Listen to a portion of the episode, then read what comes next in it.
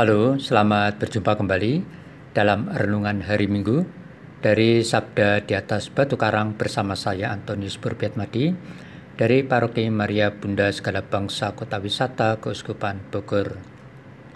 Saudara-saudari yang terkasih, hari ini Minggu tanggal 31 Oktober adalah hari biasa pekan ke-31. Renungan tertulis dapat diunduh atau dibaca dari laman Warta Paroki Maria Bunda Segala Bangsa www.mabuseba.org. Tema renungan hari ini panggilan untuk mengasihi. Yang terinspirasi dari bacaan-bacaan kitab suci hari ini.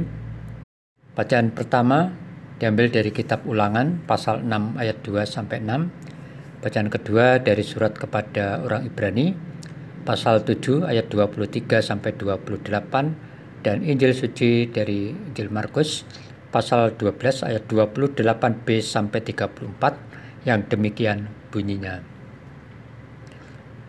Pada suatu hari datanglah seorang ahli Taurat kepada Yesus dan bertanya, "Perintah manakah yang paling utama?"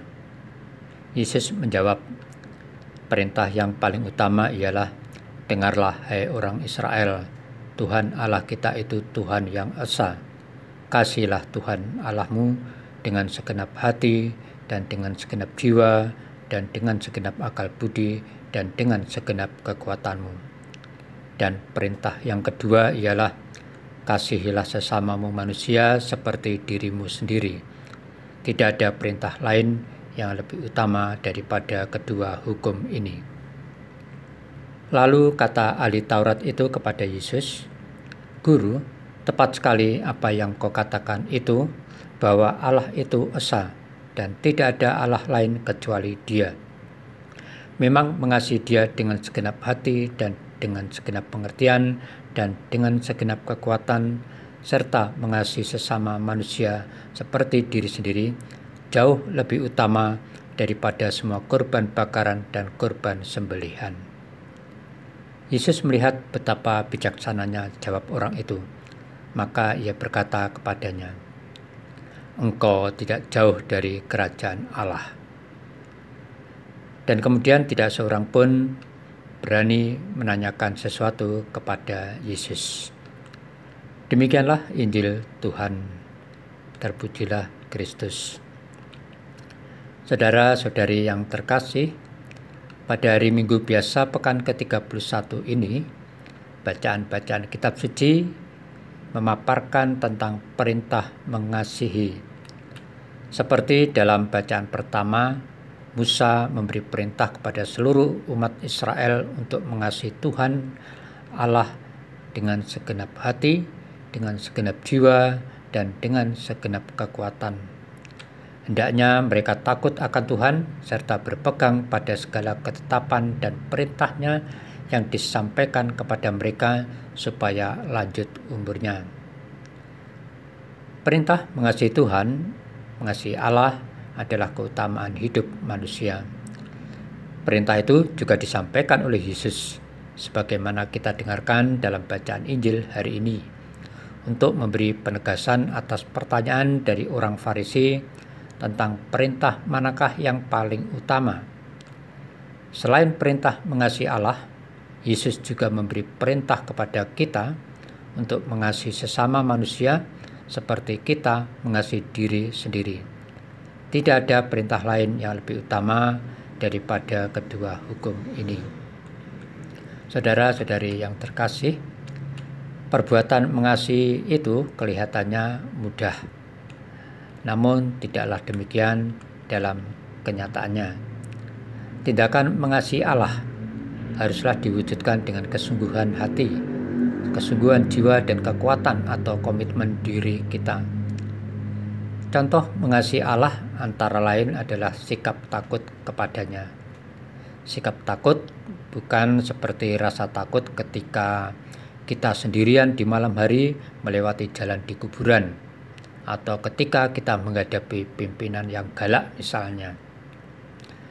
Dari bacaan pertama diungkapkan bahwa sikap takut akan Tuhan adalah sikap kesetiaan diri akan janji kepada Allah sikap penyerahan diri sepenuhnya pada bimbingan, rencana, dan kehendak Allah. Nah, bagaimana dengan diri kita dalam kehidupan kita sehari-hari?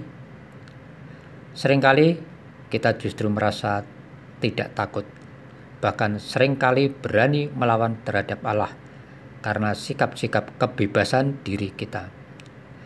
Kita tahu bahwa datang dan percaya pada dukun itu jelas bertentangan dengan kehendak Allah. Tetapi toh kita dengan terang-terangan berani melakukannya.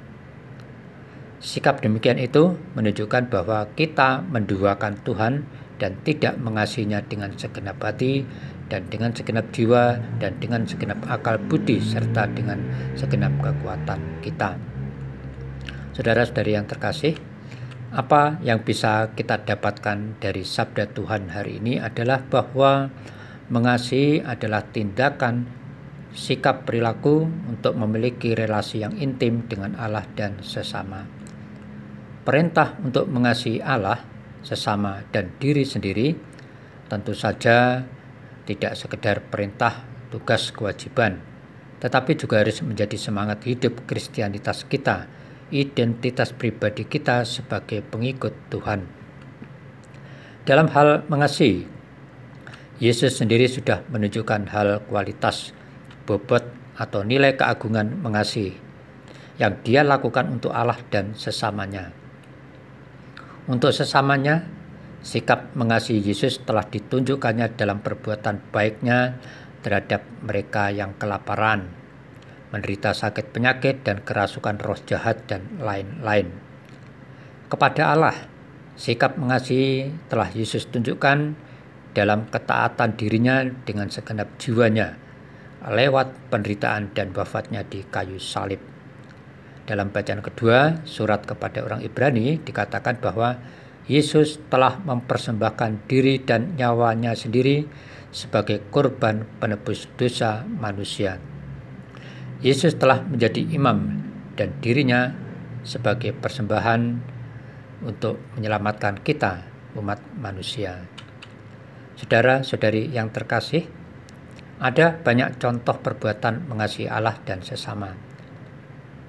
Namun sering kali dalam melakukan perbuatan mengasihi, kita menghadapi aneka tantangan atau halangan yang membuat kita minder, mundur, takut untuk berbuat. Seperti Yesus, perbuatan mengasihi menuntut pengorbanan diri secara total. Santa Teresa dari Kalkuta pernah berkata, jika kita mengasihi sampai terluka, maka tak akan ada lagi luka. Justru kasih semakin mendalam semata yang ada.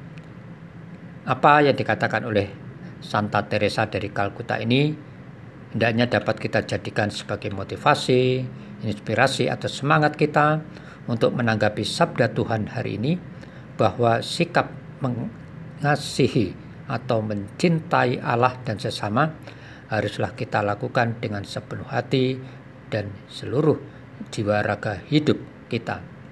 Sikap perbuatan mengasihi kepada Allah dan sesama merupakan hukum yang terutama bagi kita umat beriman. Mari kita tanggapi panggilan untuk mengasihi itu dengan perbuatan nyata dan tulus.